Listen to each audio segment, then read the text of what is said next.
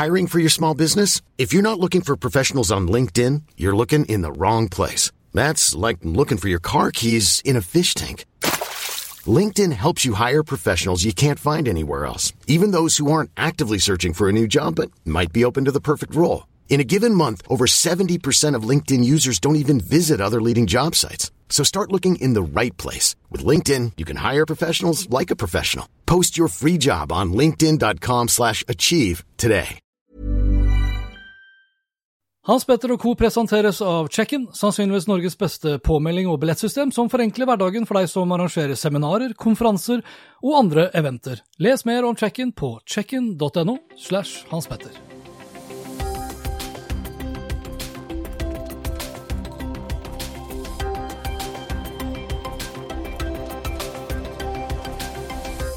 Jeg har fått med meg Astrid Valen Utvik igjen for å snakke om sosiale medier. Astrid Valen Utvik hun er gründer og daglig leder av Valen Utvik. og De hjelper da virksomheter å lykkes med kommunikasjon, markedsføring og salg i nettopp sosiale medier. Og det har de gjort i flere år allerede, og med stor suksess. Og siden vi nå begynner å nærme oss slutten på 2020, og takk gode gud for det, så er det kanskje på sin plass å snakke litt om året som gikk, og ikke minst da, hva vi også da kan forvente oss, og hva vi bør kanskje forberede oss på hvis det er mulig, for 2021 og årene fremover, når det da kommer til nettopp sosiale medier. Og da jeg snakket med Astrid Valen Utvik sist, ja da hadde vi så vidt eh, kommet oss inn i denne forbaska pandemisituasjonen. Eh, og da snakket vi om hvordan vi tenkte vi kom til å jobbe med sosiale medier da under koronatider. I dag er koronatider fortsatt den nye normalen. Iallfall enn så lenge. Jeg traff selvsagt eh, derfor ikke Astrid face to face, men via Zoom som de zoomens vi har blitt og vil forbli muligens langt inn i året som kommer. Jeg liker, som du kanskje vet, å begynne med å se litt bakover, og det gjorde jeg denne gangen også. For da begynte jeg like godt å spørre om, om ikke vi kunne forsøke å oppsummere litt av sosiale medier-året 2020. Det er nesten litt vanskelig å svare på. for det er, eh, Hvis jeg skal si noe om 2020, så er det jo egentlig bare at det har eksplodert. Eh, I forbindelse med etter at korona kom, så ser vi jo at alle pilene går eh, videre oppover. Alle bruker sosiale medier enda mer. Um, så litt sånn for folks bruk så vil jeg si at det absolutt da har uh, eksplodert. Og det igjen vil jeg også si har ført til at virksomheter bare har brukt det mer og har vridd veldig mye av sine markedsbudsjetter mer i retning av sosiale medier og digital kommunikasjon. Mm. Har, um, hvis du, skal, altså du jobber jo med La oss si at eh, bedriftene, annonsørene, det er da Facebook sine kunder. Og forbrukerne, de er, de er brukerne. Mm. Har, det, har, det, blitt stø, mer vekst blant annonsørene f.eks. på Facebook enn det har blitt blant brukere, tror du, her i Norge? Eh, altså det er nesten sånn, i hvert fall Hvis du ser Facebook, så er det nesten vanskelig å få mer vekst i brukere. fordi at vi, vi er så godt som alle eh, på uh, spesielt Facebook. Mm. Um, men jeg er ikke i tvil om at vi har fått både de som bruker det, har begynt å bruke det mer. Og uh, vi har helt sikkert fått noen nye brukere også i de forskjellige sosiale kanalene kanalene. Og vi har garantert fått både mer eh, annonsespending fra de eksisterende annonsørene, og nye annonsører har begynt å teste dette ut. Altså, I hvert fall sånn som jeg ser det, ut fra både kjente og venner eh, hva de formidler, men også hva vi ser hos eh, bedrifter der ute, så har det vært en sånn altså en hva skal jeg si, en eh, enorm modning digitalt sett etter at koronaen kom til landet. Helt ut. Men hvilke, hvilke, kanaler er det du ser størst vekst på? Altså, for det er jo mange kanaler man kan annonsere nå i. Vi har Facebook, Twitter, LinkedIn, Instagram, Snapchat, TikTok. Mm. Uh, har jeg glemt noen? Nei, ja, ja LinkedIn, sa du det? Ja, jeg tror det. Ja, ikke sant? ja, nei, det er mange steder. Og jeg eh, Eh, altså, jeg har ikke forska på det her, så det er på en måte basert på magefølelse og erfaring eh, og hva jeg snakker med folk om. Um, og jeg er helt sikker på at det har spredd seg litt altså Det har vært en økning all over. Altså på Snapchat og LinkedIn og sikkert Twitter også. Eh, på et eller annet eh, av noen særinger som syns det er gøy å annonsere der. Men at det er Facebook og Instagram som eh, har tatt eh, definitivt den største delen av kaka, er jeg ikke i tvil om. Jeg så her, jeg tok og sjekka Storyboards, eh, eller Storyboard News. Det er for så vidt en norsk tjeneste. og de ser jo da på hva det er vi engasjerer oss mest av alt i når det kommer da til sosiale medier, og de har jo tatt med de fleste kanalene. Uh, og det er jo ikke overraskende Facebook som uh, står for mesteparten av engasjementet. og da er jo da engasjementet en sum av likes, eller ja, vi sier liker, reaksjoner, og kommentarer og delinger. Og seks av de ti de, uh, mest engasjerte nyhetene og bloggpostene for 2020, da jeg sjekket her forleden dag, de handla da om covid-19. Mm. Åtte var redaktør, redaktørstyrte, og så var det én blogger, og så var det én artikkel fra faktisk.no. Og nesten alle saker de kom, eh, altså som da topper listen eh, for hele 2020, de kom da i første kvartal, eh, da liksom koronautbruddet var på sitt, sitt verste. Den, den bloggsaken den handla om Det er sikkert sånn som du engasjerer deg Jeg også gjør det. Det er vi som har litt sånn yngre barn, det har klikka for oss. Det handler om kjøpepress overfor barn. Å oh, ja. ja. Det var hun uh, Martine Halvorsen. Ja, stemmer den saken, husker jeg. Yes, og det var, uh, altså det var, Den er nummer to for hele 2020 med 262 444 likes, kommentarer og delinger. Det er ganske imponerende, altså. Helt sjukt. Ja. Det er neseting, vet du. ja, det er det. Det, det, som nesten er trist med, det som er nesten trist med akkurat den saken, at folk engasjerte seg i nettopp dette kjøpepresset, det er at kjøpepresset har jo ikke blitt noe mindre allikevel. nei, nei, nei. Absolutt ikke. Og det er klart at sånne ting som det der, det er jo eh, det er fint at det kommer, og det blir en debatt, og man får kanskje noen eh, litt mer bevisste foreldre, og kanskje til og med når ut noen ungdommer òg. Eh, men det er klart at det der er jo ikke Den kan ikke fikse problemet. Nei. Jeg tror det må større ting til for at vi skal få til det. Men hva, hva av liksom sånne store ting vil du trekke frem eh, i løpet av 2020? Altså, valgkamp i USA definitivt har jo gjort mye sånn for hvordan eh, si, ja, hvordan spesielt Facebook og Twitter har begynt å gå i retning av å være redaktør, vil du ikke si det? Og ikke bare sånn vi er et teknologiselskap? Jo, jo, absolutt. Og det var jo, vil jeg si, på tide. Eh, ja. på tide. Altså, jeg, jeg, har jo vært litt sånn på begge sider i denne debatten, holdt jeg på å si. Altså, jeg syns at det er eh, um, På et eller annet tidspunkt da, så må man ta litt ansvar for den enorme makten man har fått. Uh, og så kan man si at vi har aldri bedt om, eller vi er lagt til rette for, og vi er ikke sånn som de har kommunisert tidligere, så vi er ikke redaktører, vi er teknologi. Men man ser hvilken enorm effekt det har. Og at du ser da uh, På en måte så, så, så, kan man tenke at det er morsomt, men det er jo egentlig ganske trist at du ser en president som får liksom åtte av ti tweets eh, markert som 'dette her er mest sannsynlig ikke sant'. Mm. Uh, det er ganske spesielt.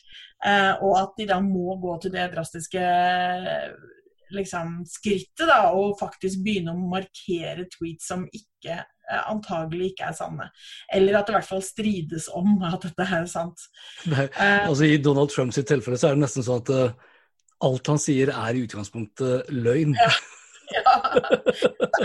er jo det er helt absurd. og det er egentlig, Jeg syns kanskje 2020, det beste ordet for å oppsummere det, er absurd. Fordi det har vært det på alle mulige områder. Ja. Og hvis vi skal da liksom her snakke om teknologi og sosiale medier og sånn, så ikke sant, bare det at de i USA på Instagram i forbindelse med valget så måtte de skru av hashtags. Eh, så hashtag har jo akkurat, jeg tror det var i går, så har det begynt å virke igjen i USA. Fordi at man eh, ikke skal kuppe og ikke skal ha sjanse til å liksom påvirke. Og eh, de må prøve å kontrollere det som best de kan. da. Mm. og da markere tweets, og at de også merker poster på Facebook hvis det er ting som, som det strides om. Så det er jo ganske vilt. Men det, det året her har jo vært alt annet enn normalt. På måte. La oss, la oss håpe det. Altså det, det, jeg, det jeg stusset over eh, kanskje, eller hva skal jeg si da? Altså, jeg har jo ikke merket det selv, men jeg leste en, en, sak, for det handler jo da mest av alt igjen da, om valget og de tiltakene som Facebook da gjorde i USA i selve opptakten til selve valget i begynnelsen av desember, så klarte de da å undertrykke mye av det innholdet som var typisk sånn polariserende og hatefullt. Eh, og, og, folk fikk da en mye bedre hverdag, hvis vi kan kalle det på Facebook. Og det har jo vært liksom Mark Zuckerberg og, og resten av Facebook sin, sin sak tidligere. At liksom de har ikke klart å, å liksom komme til, eh, til bunns, holdt jeg på å si. De har ikke klart å rydde opp da, i en sånn fin feed. Men de demonstrerte klart og tydelig at de faktisk kan det. Det blir bare litt mindre engasjement, og Facebook da tjener litt mindre penger. Eh, det har vi ikke merket sånn sett her i Norge. Det vi kanskje merket her i Norge, var jo eh, i anledning av Black Lives Matter at eh, det var ikke så himla mange annonsører når alt kom til stykket likevel, som ønsket å liksom vise sin, si, ja, sin demonstrasjon da, mot at Facebook ikke gjør nok ved å ikke annonsere. Og de få som viste uh, sin, si, ja, sin, demonstrasjon mot det, det var jo stort sett aktører som hadde penger til å annonsere i ganske mange andre kanaler også. Jeg husker veldig godt uh, Knut, uh, Knut Christian i, i kampanje var jo tydelig på det at uh, tilliten til Facebook i Norge er ekstremt lav, men det gir annonsørene blaffen i. Har du merket noe tilsvarende egentlig overfor de selskapene du jobber med? Er det noe etiske og problematiske Eh, ja, vi har jo for så vidt det. Og jeg tror det tror jeg også er noe som 2020 Hva skal jeg si? Altså en positiv effekt da, ved 2020. Um, hvis vi får den med oss inn i 2021. For det er jo, som du sier, det er liksom eh, når det kommer, alt kommer til alt, så handler det om for veldig mange om å tjene penger. Og uh, liksom um, Ja, og I 2020 så handler det kanskje om å overleve også? Ja, ja, absolutt. absolutt. Men jeg tror at eh, noe av det vi har sett, hva folk engasjerer seg i, og, eh, og nettopp som du sier, at man, om man velger bort selskaper som man ikke liksom opplever står for det som man ønsker at de eh, liksom er ja, det, det, markedet vil ha. da. Det markedet er opptatt av, eller de, de samtalene som samfunnet snakker om. Mm. Um, så, så, kan du faktisk uh, risikere at, uh, at, markedet ditt går mot deg. At du ikke liksom får, den, ja, får omsatt det du ønsker å få omsatt. Da. Og Det håper jeg jo at vi ser mer av, men det, jo, det, det som er så viktig med det, er jo at vi, vi da det, det, kan ikke være fordi at vi skal imøtegå et marked, det må være fordi vi gjør det på ekte. Ja. At vi faktisk tør å stå i de kampene. og om, Det er jo blitt så innmari populært å si at vi er et bærekraftig selskap, eller at vi ikke sant? Det er sånn, vi, sånne ord som vi skal smykke oss med. Det har lenge vært at vi er innovative, eh, men de ordene må bety noe helt på ekte. Ellers så blir det enda mer altså Sosiale medier gjør jo det så veldig gjennomsiktig. Så hvis vi blir tatt for de tingene der, så, så, så tror jeg det kan gå, gå oss dårlig. Men er ikke, det, er ikke, det, også litt med på økt polarisering også? Sånn, vi, uh, altså at det kan bli litt sånn cancel culture for bedrifter hvis ikke du liksom viser klart og tydelig hva du står for. For da, når du viser klart og tydelig hva du står for, så viser du også klart og tydelig hva du tar avstand fra. Da. Og da er vi liksom tilbake på polariseringssporet igjen.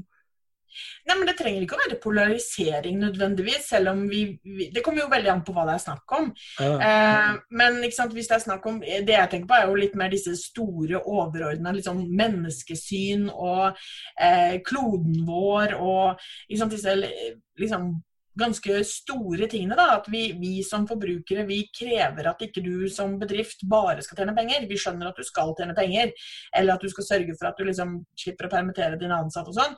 Men, og vi er villige til å støtte deg på å hjelpe på mange måter, eh, til en viss grad i hvert fall. Men da krever vi også at du på en måte må ville noe mer. Mm. Eh, og jeg tror jo ikke det at eh, ja, la oss si at man tar uh, f.eks. sånn som du nevnte i sted med Black Lives Matter, da, når det uh, var som uh, den heteste poteten, så var det ting som vi snakket med våre kunder om.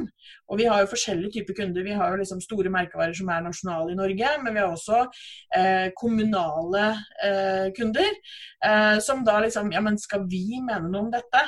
er det noe liksom som en kommune skal gå ut og si noe om? Um, og det, det, er klart at det er jo en sånn problemstilling som jeg tror vi kommer til å snakke mer med kundene våre om fremover. Ja, ja for det har blitt altså Sosiale medier før Hvis du skal gå litt sånn down the memory lane, så var det jo det var litt enklere før. For det var litt sånn Det var ganske uskyldig, og det var spennende nye kanaler osv. Nå er det jo blitt Altså, du ser de implikasjonene og de endringene som sosiale medier skaper. Uh, I positivt og, og, i negativ forstand. Og du ser også kanskje da i 2020 Altså alt har jo skjedd i 2020. Uh, for personvern har jo også fått liksom sin gode plass i løpet av 2020. Kanskje anført litt av TikTok-diskusjonen, som igjen handler om tillit, hvor du ser liksom på den ene siden USA og Kina, men også da Europa og USA. Mm. Eh, og Så får vi se liksom hva, hva, hva, konsekvensen blir av det. Her velger jo også mediene veldig tydelig hva de gidder å, å satse på. Sånn, jeg har jo flagget bl.a. overfor både NRK og TV 2 at jeg syns de i for liten grad dekker egentlig hvordan EU jobber med reguleringer når det kommer til databehandling og personvern. Mm. Eh, og så gidder man ikke. Men eh, så fort Facebook blir utsatt for uh, søksmål, sånn som vi så nå nylig i USA, fra sam nesten samtlige amerikanske stater. Mm. Da er de på der, men de sier bare at de blir saksøkt for at de er, har blitt så store. De, de, tar ikke for seg ordentlig hva det, hva det, handler om.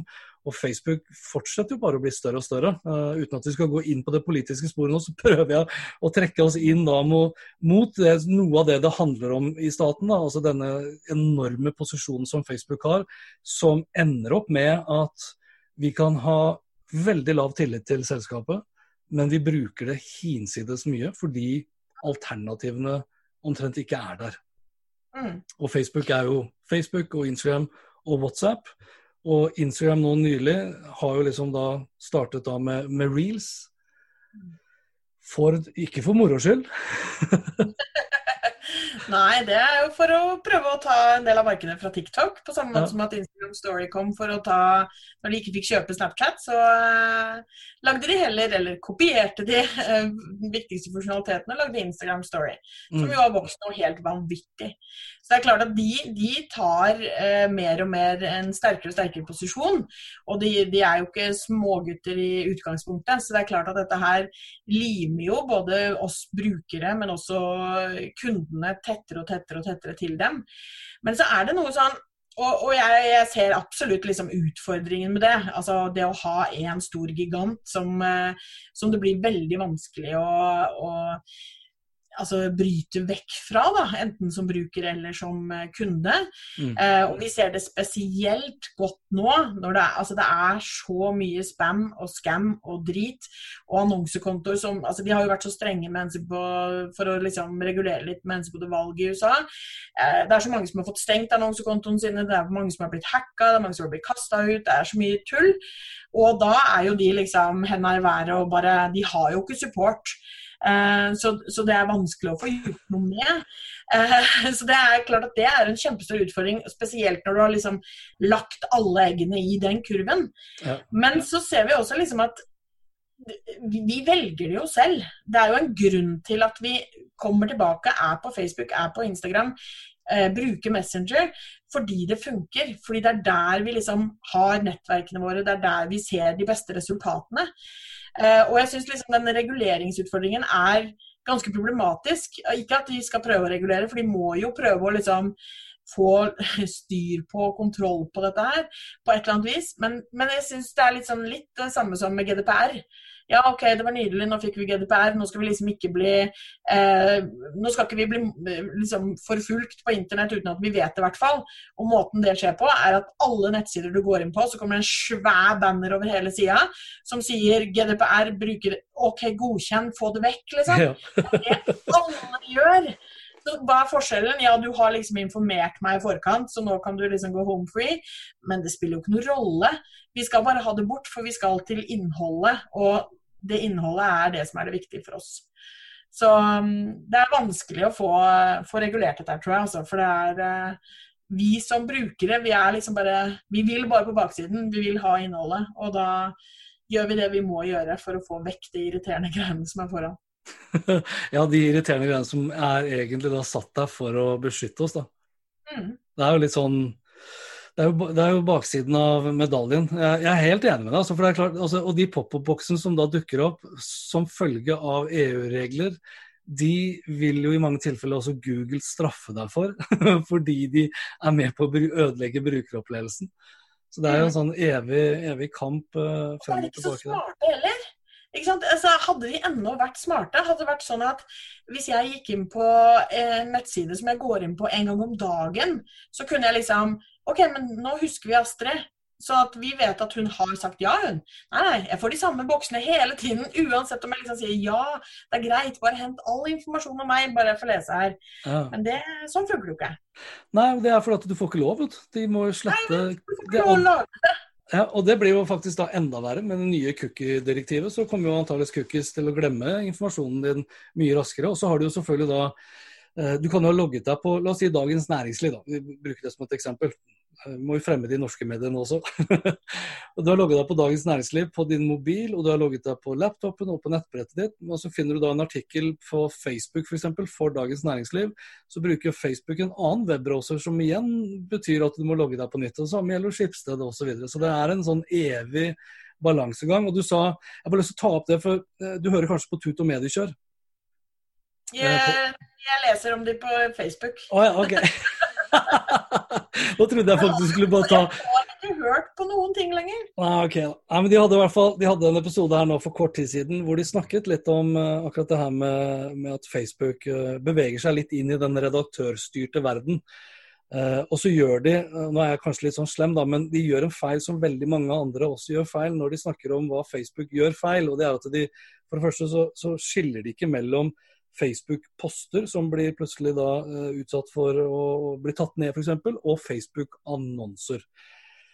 Og så gjør det en annen kardinalfeil, syns jeg, og påstår at uh, alt som blir slettet, skyldes da algoritmer, at Facebook ikke har noen som sitter og jobber på det her. Og det er greit at Facebook ikke klarer å liksom supportere alle norske og internasjonale brukere, når vi snakker om milliarder av brukere. Men de har da fra Altså i løpet av veldig kort tid så har de jo økt antall ansatte som sitter som moderatorer mm. til 35 000 mennesker. Mm. Så, så, det er sånn, Jeg husker jeg sa til Rune Perlestad, sjefen for Facebook Norge for det er flere år siden, at liksom, vi hadde jo aldri hatt noe problem med Facebook hvis bare folk hadde visst å oppføre seg. Og Det er klart, det hjelper jo ikke da når du har en av verdens største assholes og løgnere, som er da president og den mektigste mannen i verden omtrent. altså. Så det er liksom, hva, hva er veien ut av den drittvannet vi befinner oss i, Astrid? Har du, har du svar på det? Nei, og det, og det er liksom, Du nevnte disse algoritmene, ikke sant, som er veldig lett for folk å si sånn Ja, nei, de skal styre oss, og de skal, eh, de skal liksom påvirke og eh, slippe igjennom bare de som betaler mest og alt dette her. Og det er jo ikke, det er jo ikke det, sånn det fungerer. Det er, vi er så eh, det er så lett å rope høyt da, og si liksom at eh, algoritmene ødelegger for oss. og at de skal, liksom, uh, de skal, bare tjene mest mulig penger og, uh, og, gjøre det vanskelig for oss andre å slippe gjennom. Mm.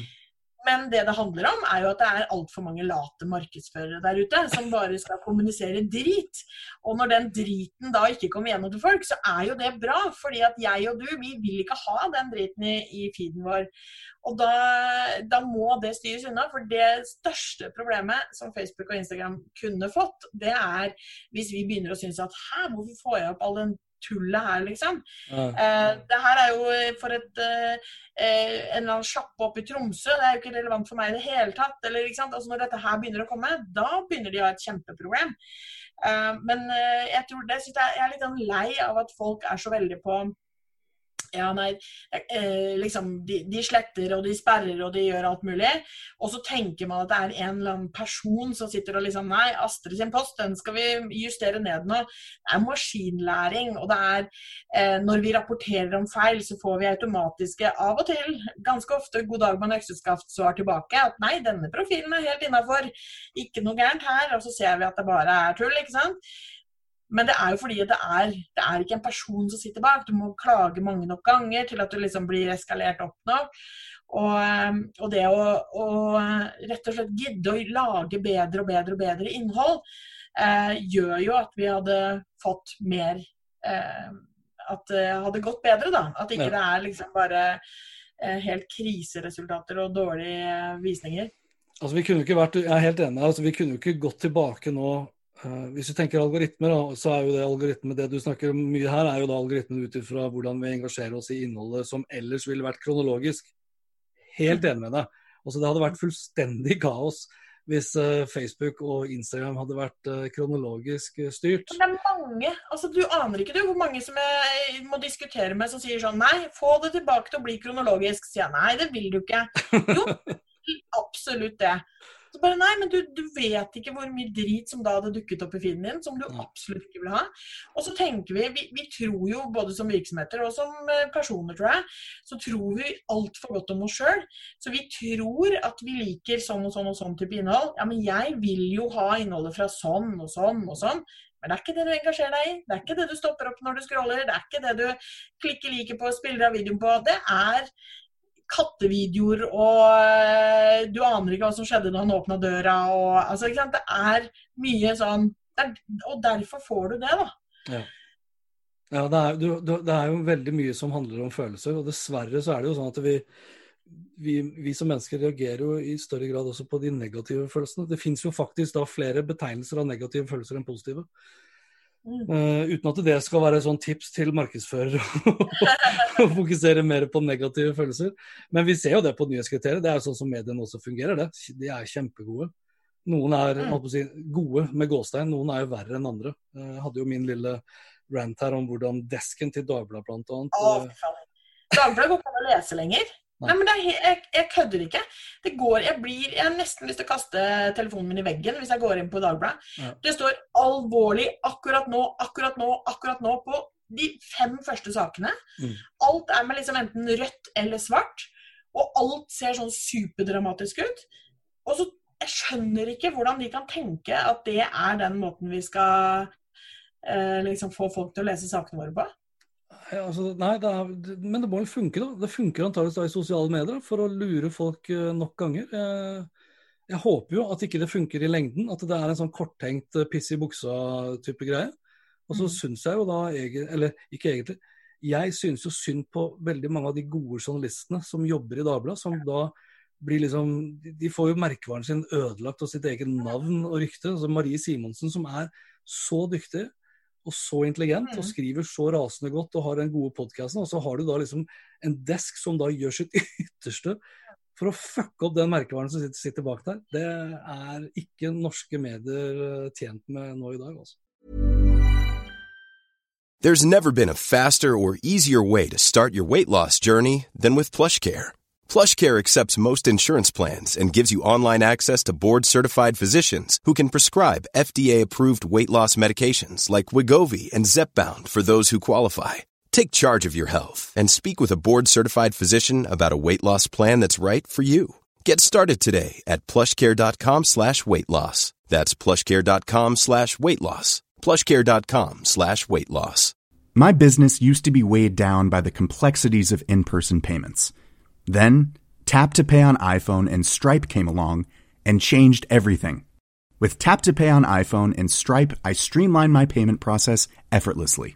Now I can accept in person, contactless payments right from my iPhone. No extra hardware required. What's truly remarkable is how I can cater to all of my customers' payment preferences.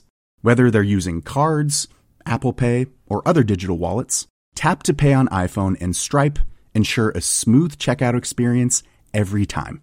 And it's not just me. Stripe helps businesses of all sizes, from local markets to global retailers, scale quickly and stay agile. To learn how Tap to Pay on iPhone and Stripe can help grow your revenue and reach, visit stripe.com/tapiphone. Nei, og jeg skulle egentlig tro at Altså, jeg har jo følt sånn opp igjennom Eh, alle årene som har gått, liksom. Altså før jeg begynte å jobbe med kommunikasjon òg. At eh, VG var de som var litt sånn eh, Satt ting på spissen og var litt sånn crazy og skulle ha klikkene. Nå føler jeg jo at VG blir som en, eh, den ordentlige gutten i klassen, liksom. Som gjør ting skikkelig. Og så har du Dagbladet som skal si de samme sakene, men det er bare helt crazy. Ja. Um, altså Det verste med VG synes jeg, det er at det nesten alle pluss... Altså, det er ikke noe vits i for meg å kjøpe plussaker som fremst ikke er fryktelig interessert i å vite til enhver tid hvordan kvinner får orgasme. Altså Det er så sexfokusert, de sakene som de kjører på plussiden sin, syns jeg, da. Men du, skal vi se litt sånn, vi, vi er jo i desember her nå. Eh, hva, hva, tenker du liksom om 2021 og, og de viktigste trendene da? Uh, uten at vi vet liksom Vi vet Vi antar jo at det blir mindre bråk i USA, sånn fra et sånn presidentembetsståsted. Mm. Men utover det så tror jeg det kommer jeg tror det kommer til å bli mye bråk i USA likevel, altså, mellom sosiale medier og det ene til det andre. Men for, for uh, lytterne som La oss late som lytterne nå er uh, potensielle kunder av da. Mm. Hva ville vi fokusert på da? Til potensielle kunder så tror jeg ville eh, den kanskje viktigste hva skal jeg si, innholdsformen for 2021, det er overbevist om er story-formatet.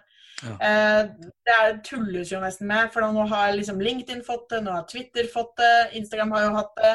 Vi begynner å se at folk leverer eh, litt annet storyinnhold på Facebook enn på, eh, på, Instagram. Det har jo vært mye sånn som autokopierer fra Instagram til Facebook.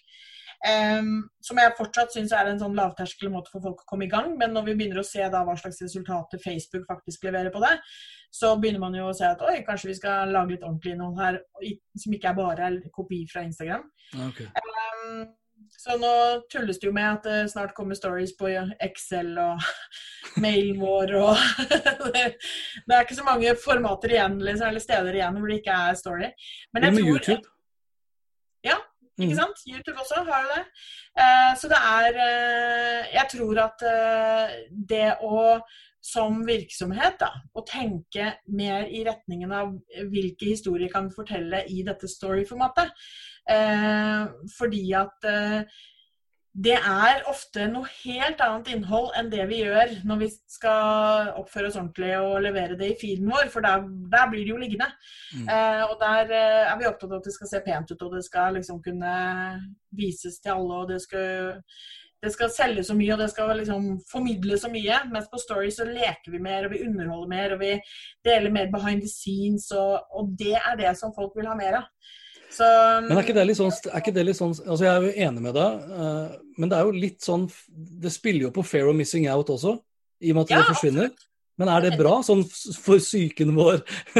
Burde vi liksom ikke ha sånn Jeg hadde FOMO, som er fair of missing out, så tenkte jeg ja, hva med, hva med fryd of missing out? Jo, men jeg tror at um, um Altså Jeg tror det der regulerer seg ganske fint. fordi at uh, vi som vi, vi, kan ikke ta inn uh, ikke sant? Jeg kan ikke tenke at jeg skal få med meg alle virksomheter eller alle profiler jeg følger sin story. Um, men jeg vil ha med det viktigste det som er viktigst for meg. Mens de, det som jeg tror er bra med det, er at det gjør noe med hodene til de som er markedsførere og kommunikatører. Fordi at de har en annen terskel til hva slags type innhold det er. Mm. Og eh, som de da publiserer der fordi det jo, men det kan jo forsvinne. Hvis ikke de gir bra, så bra resultater at jeg har lyst til å lagre det på sånn høydepunkt, så forsvinner de jo. Eh, og da tør vi å dele mer, da tør vi å være mer personlige, vi tør å liksom vise mer baksiden av medaljen. Og det er det innholdet som faktisk vi ser gjør det aller best. Så jeg tror at uh, det er en sunn sak med det at uh, altså algoritmene ordner jo opp uansett. sånn at jeg vet at jeg får de første boblene på, på Instagram eller på hvilken som helst kanal det er snakk om. Uh, det er de jeg engasjerer meg mest i, og det forandrer seg jo litt. Plutselig så er det noen som jeg må inn og se hver eneste dag, for jeg er superinteressert.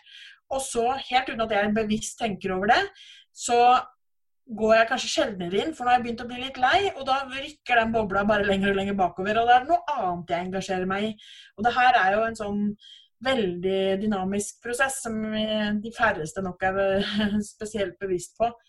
Men som hele tiden jeg tror kan gjøre at vi, vi som virksomheter, da, vi må bare eh, dele mer. Men i litt annen type innhold enn det vi kanskje er vant til å dele i mer tradisjonell forstand. Men tror du vi kommer til å bli Uh, altså Vi er litt sånn duopolske i Norge. Altså Vi kjøper iPhone, eller så kjøper vi Samsung. Vi er på Facebook, eller så er vi på Instagram. For så vidt samme greia, det også. Blir vi, kommer vi til å spre oss litt mer ut, tror du, i 2021? Altså Snapchat, TikTok uh... Ja, jeg, jeg, tror faktisk kanskje det. Ja. Uh, selv om jeg vil alltid råde kundene mine til liksom være der hvor de har størst mulighet til å lykkes. Og det er vanskelig å, å, da ikke inkludere Facebook og Instagram, fordi det er der flest er og gjør mest og du har muligheten. Men samtidig så er det også der det er vanskeligst å liksom slå igjennom, fordi det er så enorm konkurranse. Vi ser det nå, altså i desember, du nevnte desember.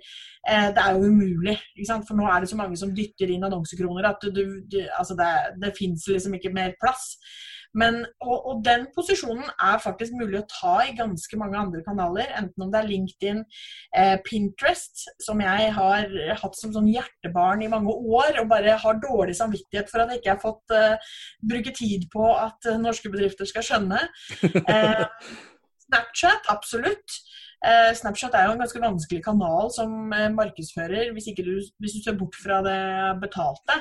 Da er det en helt nydelig plattform, men det å bygge opp en profil på Snapchat, det, det er litt det samme som å bygge opp en profil på TikTok. Du er nødt til å liksom Du må hvis du begynner der å kommunisere sånn som du gjør i tradisjonell forstand på Facebook, med liksom ja, de vanlige postene våre som eh, bare informerer og ikke gjør så veldig mye annet, så, så dør det jo. Da skjer det jo ingenting. Er det kanskje lettere å lykkes som en markedsfører gjennom de kanalene via influensere, kanskje?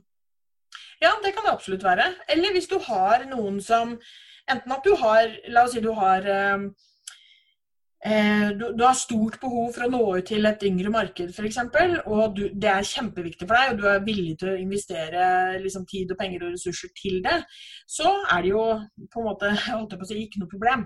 For da handler det om at du finner de riktige folka. Eh, eh, gjør litt sånn som bankene og en del sånn finansforsikring eh, har gjort, hvor de liksom OK, nå skal vi få unge til å skjønne bank. Eh, og så henter de noen folk, og så lager de helt unikt innhold på Snapchat eller på TikTok med det.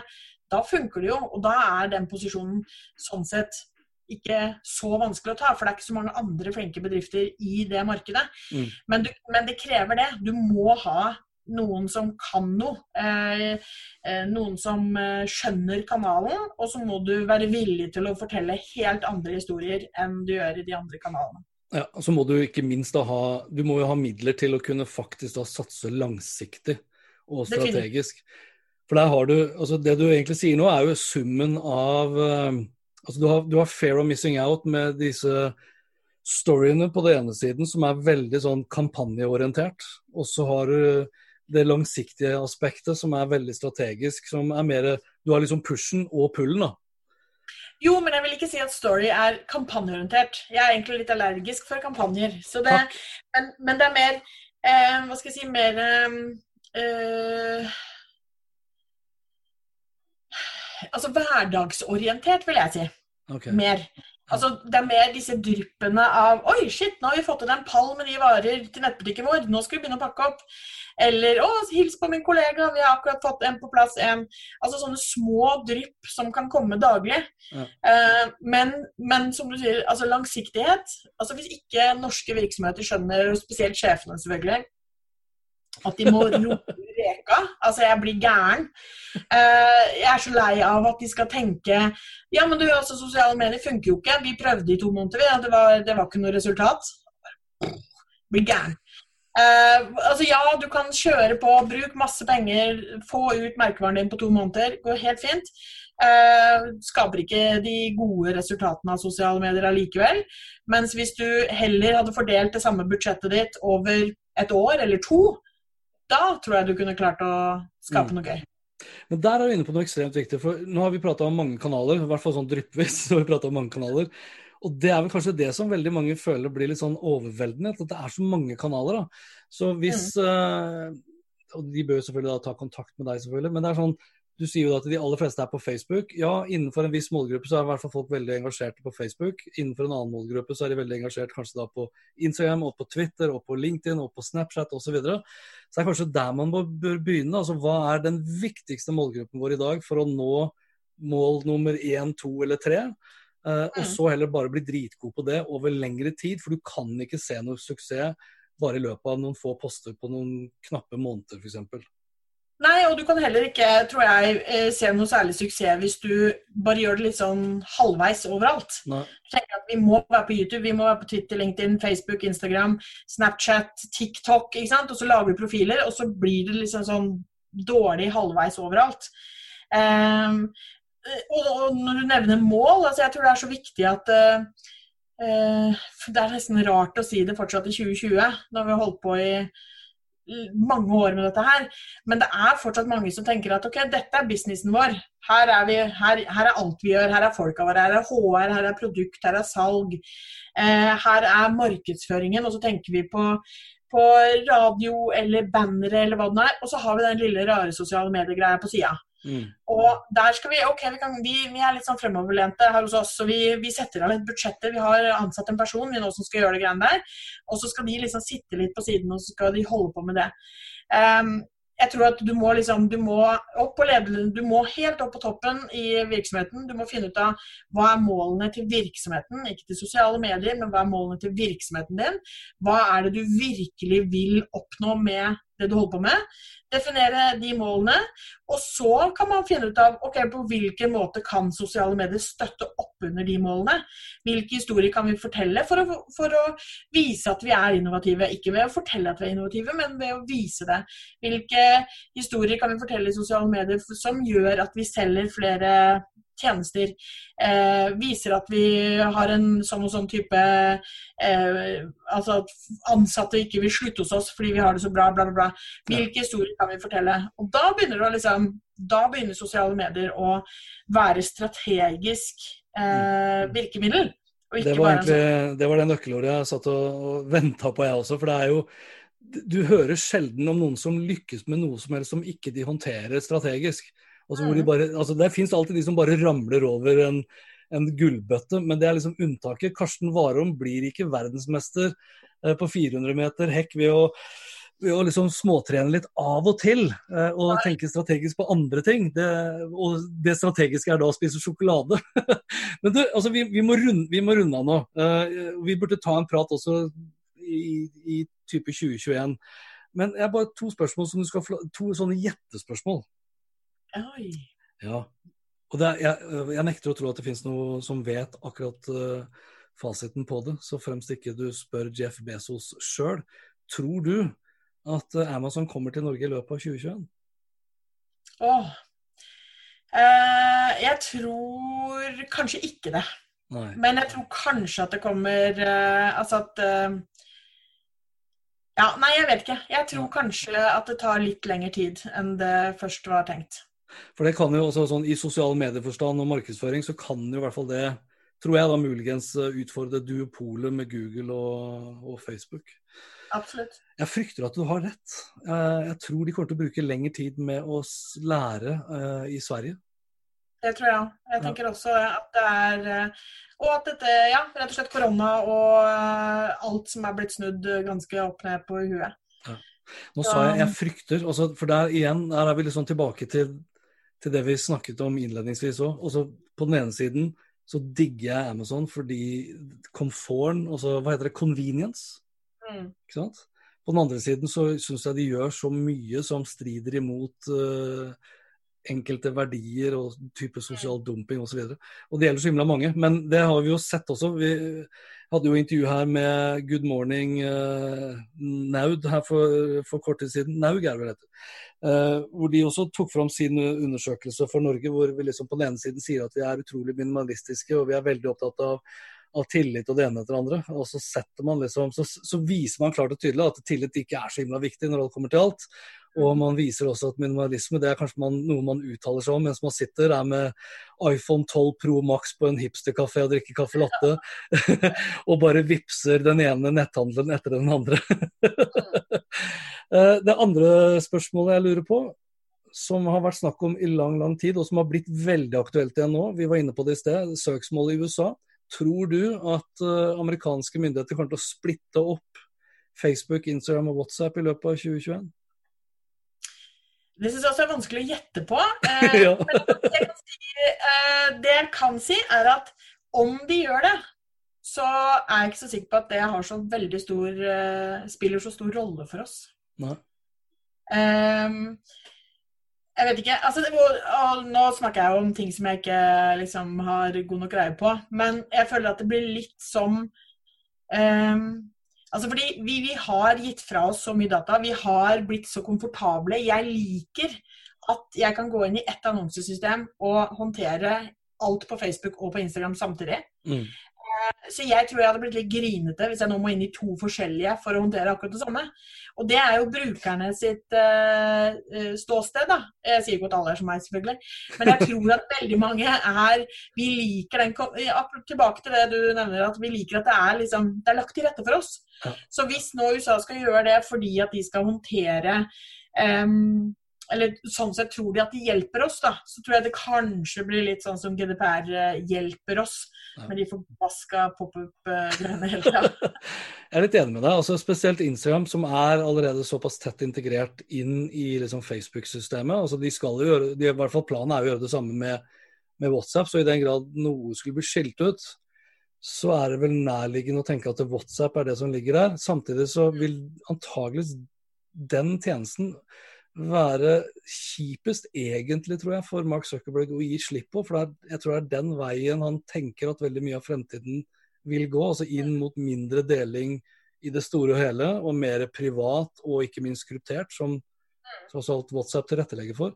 Jeg, ehm, det er jo alltid fare, altså det er jo alltid fare, fare å tippe at man tar feil. Jeg tror ikke uh, Instagram og WhatsApp kommer til å bli splitta ut. Altså, Instagram er et selskap de kjøpte opp for snart ti år siden. Mm. vært en skandale. altså liksom, Fordi du lykkes i så stor grad med den tjenesten og du har integrert det så godt, så skal vi kutte det ut. WhatsApp kom jo to år senere, så jeg tror nok i større grad på at uh, Facebook vil slite enormt med å få lov til å kjøpe opp nye. Ja, det tror jeg.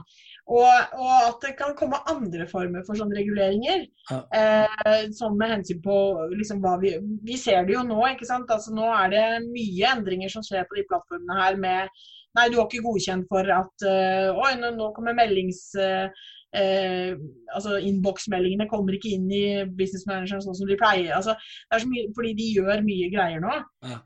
så jeg tror det er mer kanskje sånne ting. At det blir noen reguleringer med, med ja, type hvem de betaler skatt til, og dette med skatt til Europa, og at de hva de får lov å dele med hvem av uh, data, mm. mer enn at de nødvendigvis kanskje skiller de ut. da. Det er, det, som, det er nok den posisjonen de har nå i USA som også gjør at uh, amerikanske domstoler ikke f.eks. Vil, vil forby TikTok. For da hadde de i praksis hatt fullstendig mm. monopol. Mm. Snapchat, er, liksom, Snapchat er jo forholdsvis store her i Norge, men jeg tror sånn globalt så har vel de jeg tror de har under 1% av det digitale markedsføringsmarkedet. Mm. Så de er ekstremt små, mens de store bare blir større. Det er egentlig sånn På mange måter så er det, syns jeg da, det er noe av det triste. At det, det har blitt så Det er litt sånn Slagsvold Vedum. Det har blitt så sentralisert, eh, den makten i verden om dagen. Ja, og, og, på en måte så er det litt sånn som du sa i stad, at det er fordi de gjør det så bra. Det er jo samme som med Google. ikke sant? Altså, mm. Google har jo 40 forskjellige produkter og er så integrert i livene våre at altså Snakk om gigant, på en måte. Um, og Amazon det. det er, de er så svære, har så mye av den totale makten fordi vi gir dem det. Fordi de klarer å gi oss produkter som eh, vi faktisk opplever funker. Hans Petter og co. presenteres av Check-in, sannsynligvis Norges beste påmelding og billettsystem som forenkler hverdagen for deg som arrangerer seminarer, konferanser og andre eventer. Les mer om Check-in på checkin.no slash Hans Petter. My business used to be weighed down by the complexities of in-person payments. Then, Tap to Pay on iPhone and Stripe came along and changed everything. With Tap to Pay on iPhone and Stripe, I streamline my payment process effortlessly. Now I can accept in person, contactless payments right from my iPhone. No extra hardware required. What's truly remarkable is how I can cater to all of my customers' payment preferences. Whether they're using cards, Apple Pay, or other digital wallets, Tap to Pay on iPhone and Stripe ensure a smooth checkout experience every time. And it's not just me. Stripe helps businesses of all sizes, from local markets to global retailers, scale quickly and stay agile. To learn how Tap to Pay on iPhone and Stripe can help grow your revenue and reach, visit stripe.com/tapiphone. AdWanted UK is the provider of single source media data for agencies, media owners, brands, and academic institutions. And thanks to our rebranded news offering called The Media Leader, we can also lead the way in championing excellence and inclusion in the media industry. To find out more, simply visit the-media-leader.com to subscribe to our daily bulletins. The Media Leader from AdWanted UK.